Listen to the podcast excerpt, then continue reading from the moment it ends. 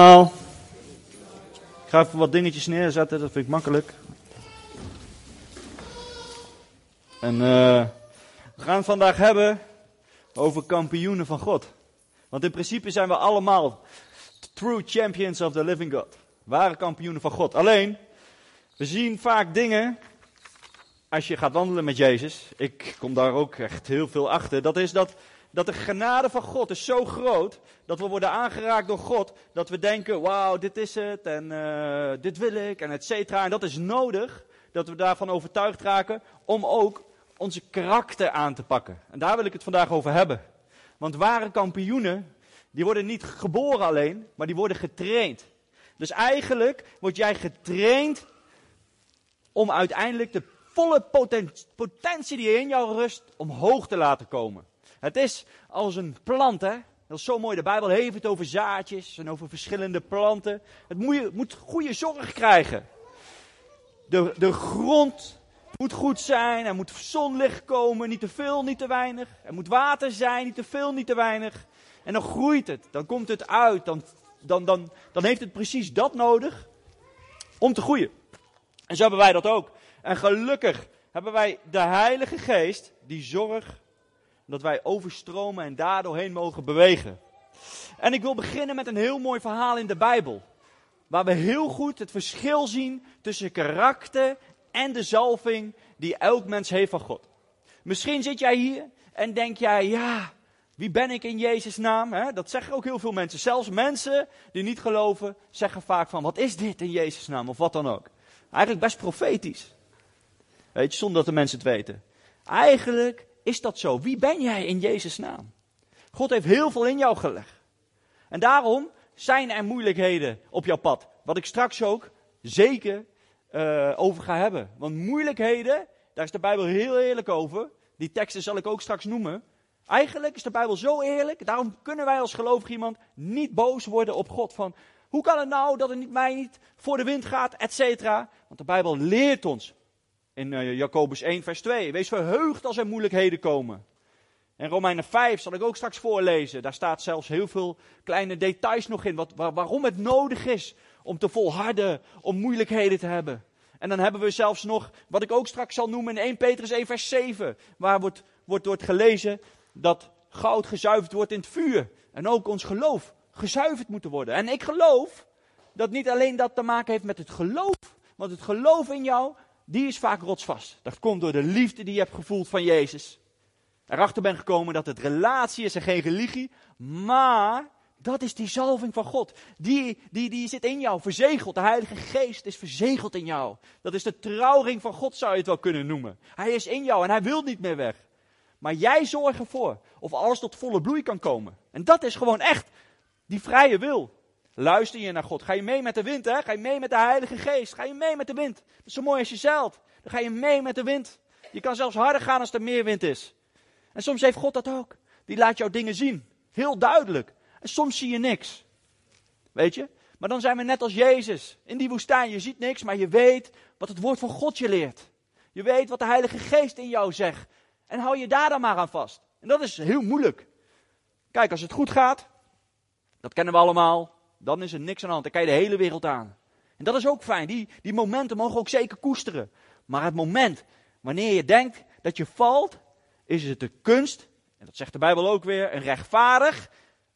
En de Bijbel leert ons, niemand is rechtvaardig dan door het bloed van Jezus. Jezus Christus is gekomen aan het kruis, gestorven voor ons, om ons weer rechtvaardig te maken. Om elke keer te zeggen, als God naar ons kijkt, ziet hij niet meer schepsels van God, dan ziet hij kinderen van God. Omdat ook straks, wanneer we het avondmaal gaan vieren, mogen wij beseffen dat in het bloed leven is. En dat we het bloed van Jezus tot ons mogen nemen, omdat zijn DNA, zijn liefde, zijn bloed, zijn, hè, noem het maar op, door ons heen mag stromen. En dat God jou ziet als zijn kind, als, als zijn zoon, als zijn dochter. En dat is zo mooi. Daarom hebben wij zo'n voorrecht dat we vandaag dag mogen leven. En misschien daarom wel dat we ook veel moeilijkheden op ons pad hebben, omdat God jou aan het klaarmaken is. Om die potentie van een ware kampioen omhoog te halen. Vandaag de dag is het meer nodig als eerder. Het is niet normaal, zelfs Nederland is getroffen door dingen wat we nooit hadden verwacht. Noem het maar op. Maar het mooiste is, wij mogen juist nu de zout van de aarde zijn en het licht in de wereld. En dat kost karaktertraining. Karaktertraining wil ervoor zorgen dat jij op Jezus gaat lijken. Weet je, als je het niet meer weet, weet dat God het weet. Weet dat God in controle is, maar dat er misschien dingen omhoog moeten komen, wat God al weet, maar wat jij nog niet weet. Daarom is het mooi dat we, dat we gaven beschikken van God. Onder andere in tongen spreken of het profeteren. Want Paulus zegt iets heel moois. Hè? Hij zegt, strek je niet alleen uit om, om de gaven in tongen te spreken, maar ook om te profiteren. Omdat het bemoedigend, vertroostend is. Het, het, het schenkt je weer hoop. Het laat je zien, wauw, ik voel in mijn hart, ik voel in de Heilige Geest en mijn geest die in mij woont, dat dit van God is. En misschien is het ver weg. Maar elke keer als je het moeilijk hebt, misschien komt dat zaadje weer omhoog. En dat je mag zien, ja inderdaad. God is bezig om mijn karakter te vormen, zodat ik niet brons ga halen of zilver ga halen op de plek waar ik kom, maar daadwerkelijk de positie inneem als een kampioen. En die kleur is goud. Kleuren van kampioen. Gouden medaille, een gouden plak wil God ons geven, een gordel. En ik wil met jullie iets heel moois lezen, wat te vinden is in Handelingen 8. En dan ga ik lezen, Handelingen 8, vers 5 tot en met 22. En uh, ik wil ook nog heel kort bidden eigenlijk, want uh, dat, uh, dat vind ik belangrijk. Heer, ik bid zo voor iedereen, ook voor mezelf, wilt u ons hart zacht maken dat we mogen ontvangen met liefde, met kracht van u, Heer. Dat wat vandaag voor ons is, wat u door mij wil spreken, laat het niet van mijzelf zijn, maar van u, lieve Heilige Geest. En, en, en, en, en laat het matchen met ons hart. Laat het in, oh, in bloei komen met ons. Dat we vandaag weer bemoedigd naar huis gaan en ook echt heerlijk, heerlijk, heerlijk mogen genieten wat u aan het doen bent met ons. In de naam van Jezus. Amen. Vanaf vers 5 ga ik lezen tot 22, daar komt hij. Filippus ging naar de stad Samaria en verkondigde hun de Messias. Alle inwoners luisterden met grote belangstelling en vol ontzag naar wat hij zei toen ze de wonderen zagen die hij verrichtte. Veel mensen werden bevrijd van onreine geesten die hen onder luid geschreeuw verlieten. En tal van verlamden en kreupelen werden genezen. Daarover ontstond, grote vreugde in de stad. Voordien had een zekere Simon in de stad magie bedreven en de bevolking versteld doen staan. Hij beweerde over bijzondere gaven te beschikken. En iedereen, van groot tot klein, keek vol ontzag naar hem, omdat ze werkelijk meenden dat de grote macht van God in hem zichtbaar werd. Hij boezemde de bevolking ontzag in, omdat hij een geruime tijd verbaasd had met zijn magische kunsten. Maar toen Filippus hen door zijn verkondiging van het koninkrijk van God en de naam van Jezus Christus tot geloof had gebracht, lieten ze zich dopen, mannen zoals, zowel als vrouwen. Ook Simon aanvaarde het geloof. En na zijn doop bleef hij voortdurend bij Filippus. En hij stond versteld van de tekenen en de machtige wonderen die hij zag gebeuren. Toen de apostelen in Jeruzalem hoorden dat de inwoners van Samaria het woord van God hadden ervaard, stuurden ze Petrus en Johannes naar hen toe. Nadat ze waren aangekomen, baden ze dat ook de Samaritanen de Heilige Geest mochten ontvangen. Want deze was nog op niemand van hen neergedaald. Ze waren alleen gedoopt in de naam van de Heer Jezus. Na het gebed legden Petrus en Johannes hun handen op en zo ontvingen ze de Heilige Geest. Toen Simon zag dat de mensen door handoplegging van de apostelen vervuld raakten van de geest, bood hij Petrus en Johannes geld aan en zei, geef ook mij deze macht, zodat iedereen wie ik de handen opleg, de Heilige Geest ontvangt. Maar Petrus zei tegen hem, u zult in de verderf worden gestort, u met uw geld, omdat u denkt te kunnen kopen wat God geschonken heeft. U kunt beslist geen deel hebben aan onze taak. Want uw houding tegenover God is niet goed. Toon berouw over uw verfoeilijk gedrag. En smeek maar de Heer of hij uw slechte gedachten wil vergeven. Weet je, ik las dit hè. En eigenlijk werd ik heel blij. Eigenlijk zag ik een man die occult was, hè, die een tovenaar was, ineens aangeraakt werd door Jezus. Zoals wij aangeraakt werden door Jezus. Ik herken dat. En ineens wil je van alles af. Je wilt, naar, je wilt waar het vuur is. Op dat moment had Filippus en Johannes het vuur van God vast. Hij zag wonderen en tekenen. Eigenlijk was deze Simon een geweldig discipel. Maar wat Simon nog niet had, naast dat hij gevangen was door de liefde en de grootheid van de God van, van Israël, was dat zijn karakter nog te maken had met de wereldse manier van denken. We herkennen dat ook. Ik ook. Ik wil naar conferenties toe. Ik wil naar bepaalde sprekers toe. Omdat ik zie, wow, als die spreken gebeurt er wat. Dan is er vuur. Ik wil daarbij zijn. Ik wil dat zien. Maar dat is de genadezalving van God. Maar deze Simon, die een tovenaar was. En gegrepen werd door de Heilige Geest. En ook in deze God ging geloven. Wilde, omdat hij nog, hè, zijn karakter was nog menselijk. We moeten vernieuwd leren denken, Romeinen 12, vers 2. Maar deze Simon had dat niet. Hij was gewoon gegrepen door de liefde van Jezus. Hij wilde op Jezus ook lijken zonder dat hij het misschien door had. Hij zag alleen maar wat Filippus en Johannes deed. En was nog niet tot het punt gekomen, misschien wel met zijn hersenen, maar nog niet met zijn hart, dat het een genadegave was. En onbetaalbaar is. God wilt jou, wilt Simon, wilt elk mens doen veranderen en gebruiken. We zien het bij Paulus, die te vergelijken is met een moordenaar. Een soort van IS-strijder in deze tijd. De liefde van God werd hij gegrepen. En hij moest ook anders gaan leren denken. En kijk eens hoe God Paulus gebruikte. Weet je, ik vind het jammer dat we niks meer lezen over deze Simon. Want als hij zijn karakter liet louteren, geloof ik dat wat in de wereld door de duivel gebruikt werd, werd dat wordt omgedraaid door God. God is zo goed hè, dat de duivel weet dat God zo goed is en daarom hem altijd nadoet. Met wonderen en tekenen, met gekke dingen, maar het kost je altijd wat. Weet je wel? Kost je altijd wat. En dat is waar Simon in was beland. In beland. Hij kreeg geld, hij kreeg macht, hij kreeg positie. Maar Jezus zegt, om te heersen moet je dienen. Je moet de voeten wassen. Je moet weten, God is mijn vader. En ik mag, mag nu eindelijk gewoon vrij zijn. Ik hoef niet meer trots te zijn. Ik hoef niet meer mezelf te bewijzen. Wow, wat is dat moeilijk. Dat is elk moment dat we daar terug mogen staan. Want als we verder in handelingen lezen, zien we zelfs dat deze grote Petrus ook een keer de mis in gaat. Dat Paulus zelf zegt, waarom zit je weer bij de Joden en doe je als een Jood? Dat klopt niet.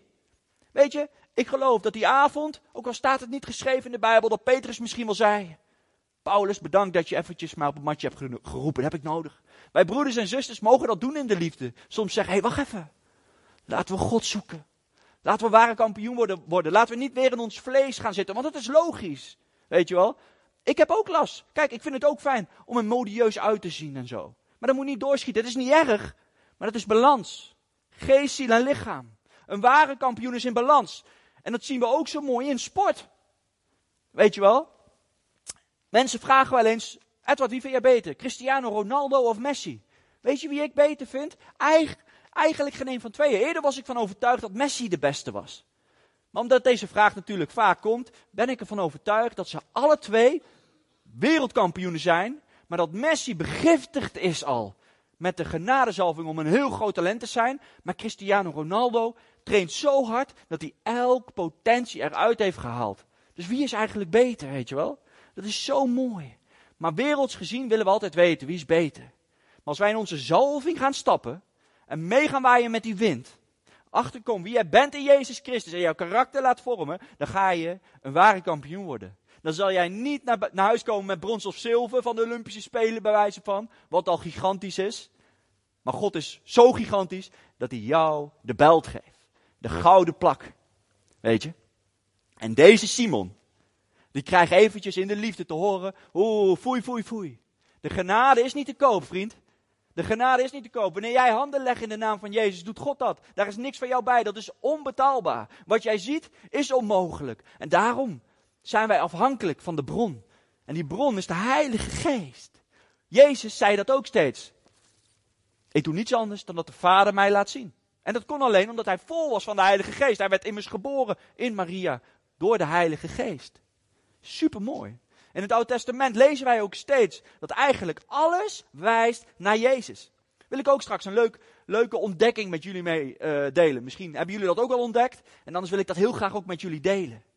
Want ik wil me gaan verdiepen in een godsman ook. Kijk, in de wereld hebben we zat godsmannen. Wij allemaal eigenlijk, godsmannen en godsvrouwen. Ook heel veel godsvrouwen, ook godskinderen. Want de Heilige Geest kent geen limiet. Als ik mijn zoontje soms wil praten, denk ik, wow, deze man, wow, weet je wel, een man van de Heer. Ik, denk dat we dat allemaal herkennen. Kinderen zijn puur. Weet je wel? Mensen die dronken zijn, zijn ook puur. Weet je wat ik zo grappig vind? Dat we dronken mogen zijn in de geest. Nou, ik vind dat mooi. Weet je, dat we dronken mogen zijn in de geest. Weet je, gewoon puur, omdat als wij dronken zijn in de geest, dan, dan, dan, dan heb je geen rem meer. Dan ga je profiteren. Dan zijn wonderen en tekenen normaal. Je bent aan het lachen. Mensen denken hij is gek, maar het maakt je niet uit. Je bent dronken in die geest. Heerlijk. Weet je wel? En dat zien we ook weer in de wereld. De duivel die naamt het ook na met alcohol, om het zo maar te noemen. Ja, dan heb ik ook wel eens achtergekomen. Dat is niet goed. Ja, ik ben eerlijk. Ik ben er ook wel eens achtergekomen. Ja, hier, mijn zusje en mijn moeder lachen. Ja, weet je. Gelukkig is dat al lang geleden. Maar dat, dan, dan, dan, dat is minder. Maar dat is zo mooi dat we zien, wanneer wij vol zijn van God, denkt de wereld, oh die is gek. Maar er, gebeuren wel, er gebeurt van alles. Mensen genezen. Mensen worden aangeraakt door de liefde van God. Mensen beginnen eens te huilen, beginnen de zonde te beleiden. Eh, als we social media zien en alles, ik zag ook volgens mij Sari die zoiets moois deelde, dat mensen tot geloof kwamen. Gewoon midden op straat in Amerika, doordat er iets verkeerds was gebeurd, wat gewoon echt demonisch was. Toch was jij Sari, hè? Met de discriminatie een keer. Dat daar mensen op die plek tot geloof allemaal kwamen massaal. Ja, ik zag dat. Ik dacht, wauw. Weet je waarom ik dat dacht? Ik dacht, hier, de duivel lacht. Denk ik, zie je, discriminatie. Want dat is natuurlijk hartstikke demonisch. Maar op dat moment zegt God, dit wordt een plek die ik nu ga gebruiken. Waar veel pijn en verdriet heerst. En daarom zal ik het gebruiken om mijn liefde uit te storten. En je zag mensen, politieagenten, noem het maar op ineens, die daar kwamen en geraakt werden, of ze het nou wisten of niet, maar geraakt werden door de liefde van God. De maatschappij zegt anderhalf meter, maar God houdt zich daar niet aan. God woont in jou. God wil bij jou zijn. Als jij God nog niet kent, mag jij je hart geven aan God, want God ziet jou staan. God houdt zoveel van jou dat hij jou moet vol stoppen.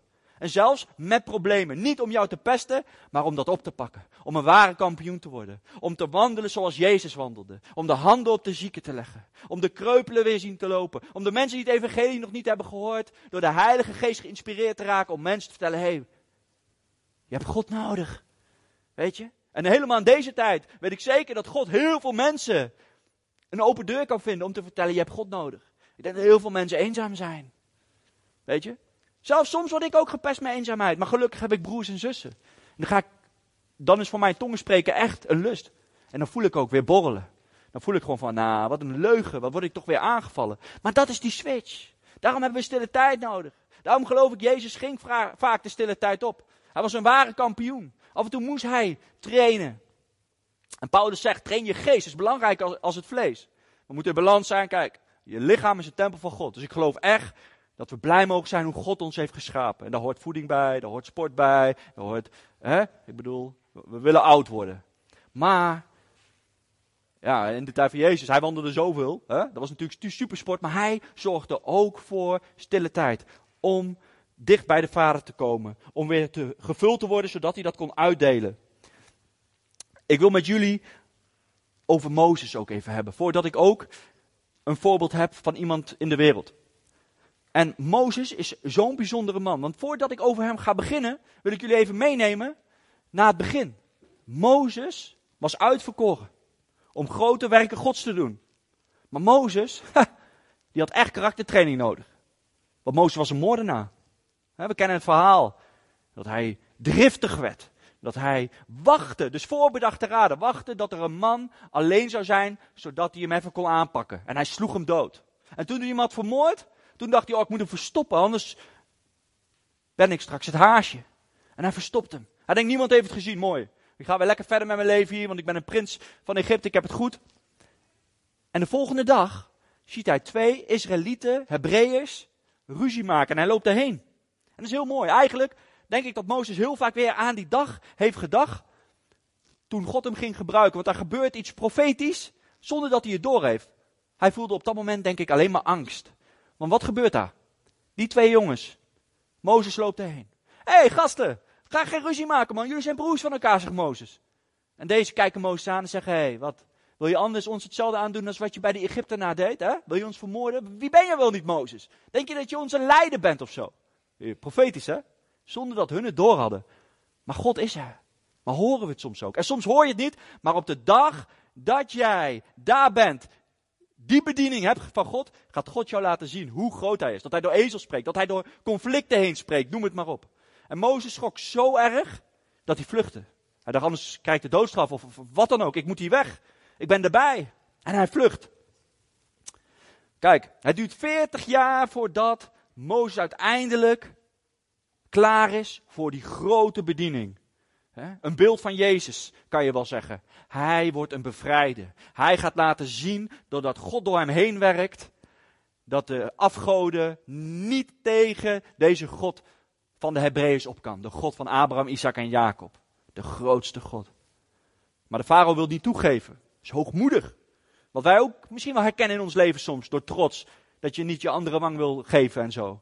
God wil ons daar eigenlijk van bevrijden. Dat is niet fijn. Want als we zien, uiteindelijk kost het wel het leven van de zoon van deze farao. Maar Mozes werd klaargemaakt. En had misschien eerder gekund, dat weet ik niet. Zou zomaar kunnen, want 40 jaar is lang. Maar God heeft de tijd met ons. God had de tijd met Mozes. God vormde Mozes van een moordenaar. De Bijbel leert ons dat Mozes een leider werd. Hij zei, ik kan niet spreken. Later zien we dat hij heel goed kan spreken. En zelfs een heel volk de juiste adviezen gaat geven. En eh, als God spreekt, dat hij het doorgeeft. Eerst aan Aaron en later ook zelf. En we zien dat Mozes een, een, een, een moordenaar was, een voorbedachte raden, zelfs gemene dingen deed. En we lezen later in de Bijbel dat hij de zachtmoedigste man was van God, de grootste profeet was van God en een vriend was van God. Wow, dan heb je je karakter behoorlijk aangepakt, toch? Van een moordenaar naar een zachtaardigste man die leefde. En dat wil God bij ons allemaal doen. Maar Mozes was Godvrezend. Mozes zag het vuur van God, was dicht bij het vuur van God. Toen hij nog niet geloofde, stapte hij gewoon erin. Hij wilde kampioen worden. We walk not by sight, but by faith. We walk by faith, not by sight. Wij wandelen door het geloof. Dat is mooi. daar wil ik deze ochtend met jullie over hebben. Als jij er geen geloof voor hebt, weet dan dat er in de Bijbel staat, wat bij de mensen mogelijk is, is mogelijk bij God. En God wil jou gebruiken zoals die Mozes gebruikt. En als die Mozes zo machtig heeft gebruikt, dat kostte wel 40 jaar hè. Ik hoop en helemaal door de Heilige Geest geloof ik dat het sneller ook kan. Maar we moeten wel in die bron blijven. We hebben de voorbeeld in de Bijbel, de evangelie, hoe Jezus leefde. Hij is de persoon waar we heel dichtbij mogen zijn. Hij moet het doen. Dus we mogen hem nadoen. Weet je wel? What will Jesus do? Nou, dat, dat, zo werken kampioenen. Mozes werd een kampioen. En, en moet je eens lezen wat er uiteindelijk ook voor Mozes klaargelegd werd. Ik wil een stukje lezen uit Exodus 33. En dan vers 13 tot en met 15.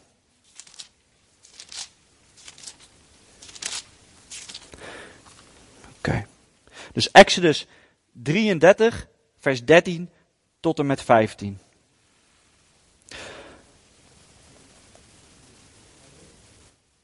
Mozes zei tegen de Heer: U draagt mij wel op het volk verder te laten trekken, maar u hebt mij niet laten weten wie u met mij mee zult sturen. Terwijl u toch gezegd hebt, jou heb ik uitgekozen. Jou ben ik goed gezind. Als dat werkelijk zo is, laat mij dan weten wat uw plannen zijn. Dan leer ik u kennen en weet ik zeker dat u mij goed gezind bent. Vergeet toch niet dat deze mensen uw volk is. De Heer antwoordde, moet ik dan zelf meegaan om je gerust te stellen? En Mozes zei, als u niet zelf meegaat, laat ons dan niet verder trekken. Wow. Dat gebeurt er wanneer ons karakter gevormd wordt. En God wil jou iets geven. Dan zeg je, ik ga niet zonder jou, Heer. Dat wil ik niet. Dan liever niks. Het is zo heerlijk om in uw aanwezigheid te zijn. Zo heerlijk om bij Jezus te zijn. Weet je, Mozes had het door. Het was al een, al een beeld. Weet je, ik ken niks hè, dan de liefde van Jezus. Ik heb het een paar keer meegemaakt. Dat als ik in de aanwezigheid ben van Jezus, dat ik huil. Gewoon echt huil. Voel zijn liefde. En ik voel het nu ook, jongens. Ik voel dat de Heilige Geest hier is. Ik voel het gewoon. Heerlijk. En ik voel dat er dan rust, vrede. En als het weggaat, meteen mis ik hem al. Heer, heer, heer, kom terug. En als het weer terugkomt, denk ik, oh, wat heerlijk. Meteen, als ik erin ben, ben ik bang om het kwijt te raken. En als het weg is, mis ik het al. Weet je? En dit vind ik ook zo'n beeld, wat Mozes hier zegt. Als ik dat lees elke keer, dan krijg, ik een glimlach om mijn gezicht. Denk ja, als, als Jezus niet met mij is, dan wil ik niet rijk worden. Of wat God allemaal voor jou voor mij in verschiet hebben. Dan wil ik niet beroemd worden. Dan wil ik niet dit of dat. Nee. Dan ben ik liever alleen maar een kind van God. En dat ik met Hem mag zijn en heerlijk mag zijn. En dat ik hard moet werken, moet ploegen, mezelf moet bewijzen, et cetera. God wil aan ons karakter werken.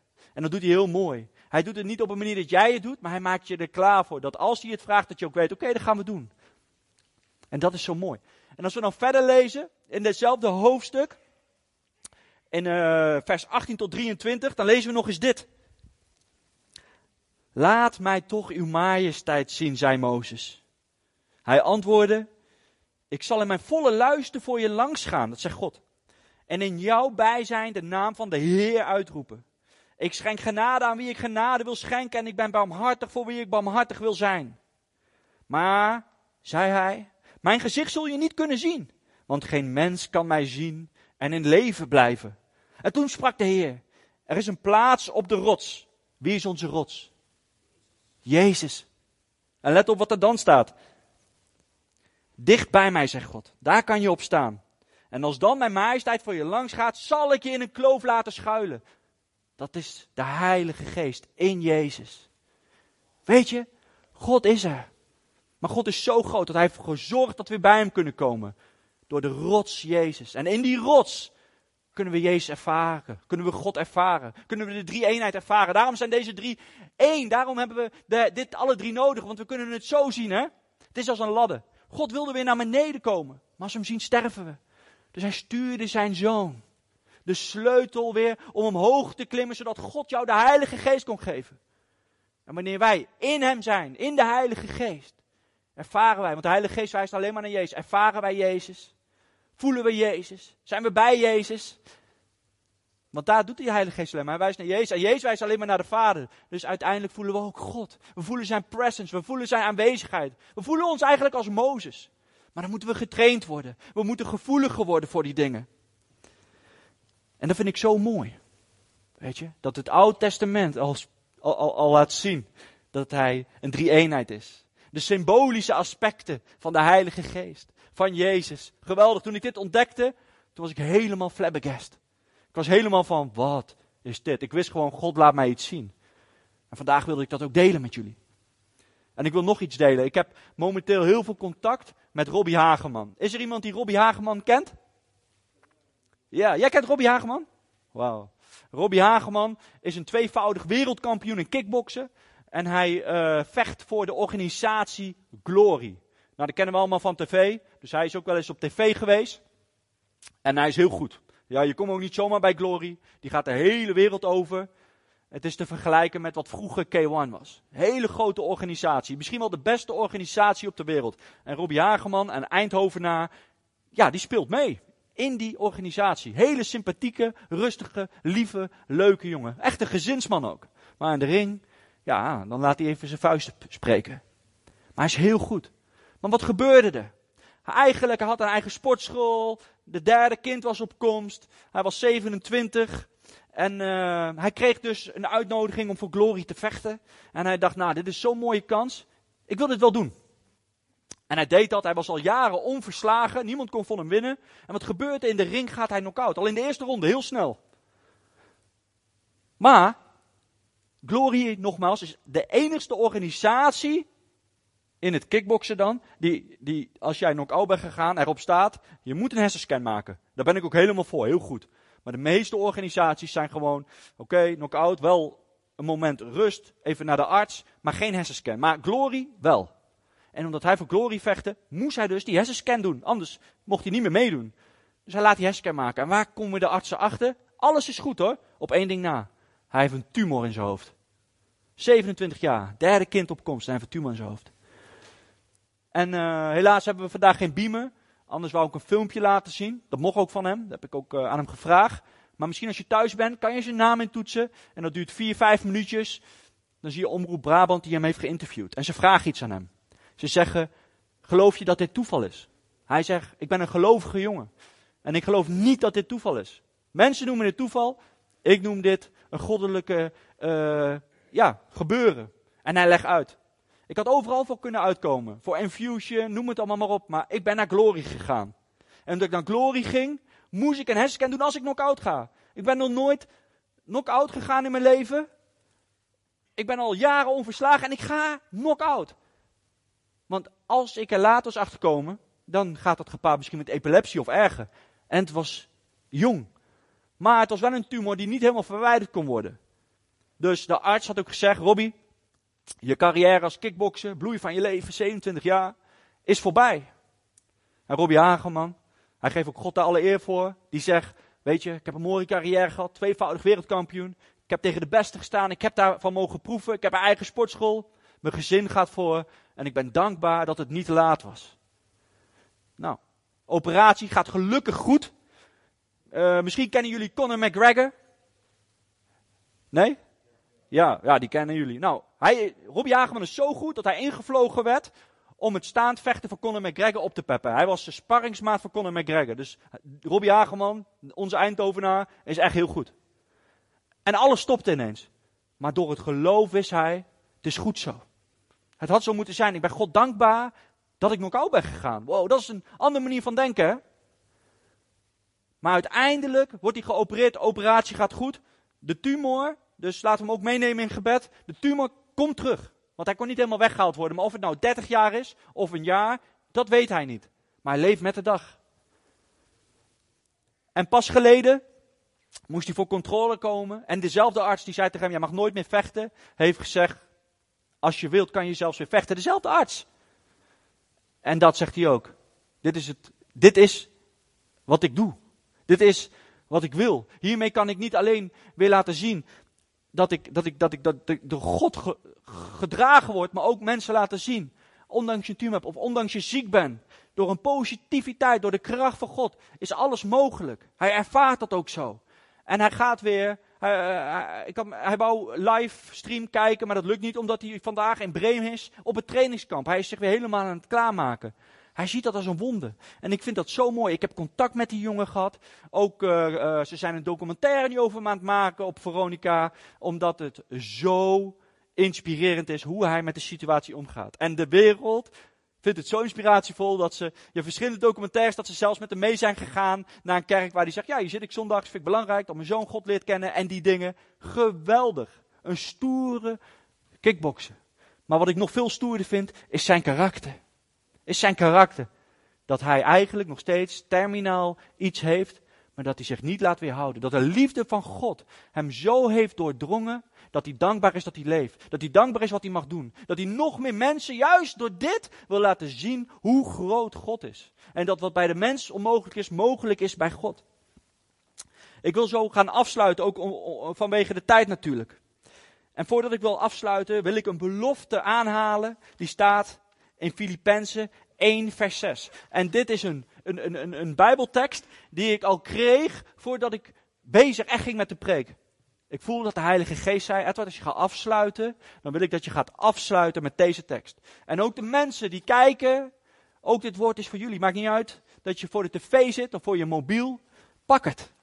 Want de Heilige Geest is ook bij jullie in de huiskamers. Hij is overal. Geweldig, hè? God is overal. En in Filippenzen, vers 1, of uh, hoofdstuk 1, vers 6 staat dit. Ik ben ervan overtuigd dat Hij, God, die dit goede werk bij jou begonnen is, het zal gaan afmaken tot de dag dat Jezus Christus terugkomt. dus God houdt niet op met jou. Hou vast aan dit woord. Wanneer jij tegenslagen hebt, misschien zit jij hier en denkt, oh ik voel me verslagen. Ik heb het zo zwaar. Weet dan wat er staat in 1 Petrus 1 vers 7. Zoals goud. En goud is de kleur van een kampioen. Jij bent dat goud. Maar dat wordt gezuiverd in het vuur, zodat het nog mooier is. Dat alle vuiligheid eraf is. Dat het puur is, puur goud is. Zo zal jouw geloof, karakter ook gevormd wordt door het vuur. Door het heilig vuur. En ik bid ook op dit moment dat de heilige geest op je zal komen, in je zal werken en alles, ook in mijzelf, wat niet rein is, wat onpuur is, op dit moment zal wegsmelten in de naam van Jezus. Dat jij een, een, een heilige bent en ook zal zijn. Dat je een ambassadeur zal zijn in hart en nieren voor de levende God, voor Jezus Christus. En dat de manier hoe jij bent, zal zijn als een zout op aarde en een licht voor de wereld. Ontvang het in de naam van Jezus. Amen. En zo wil ik afsluiten. Bedankt voor het kijken.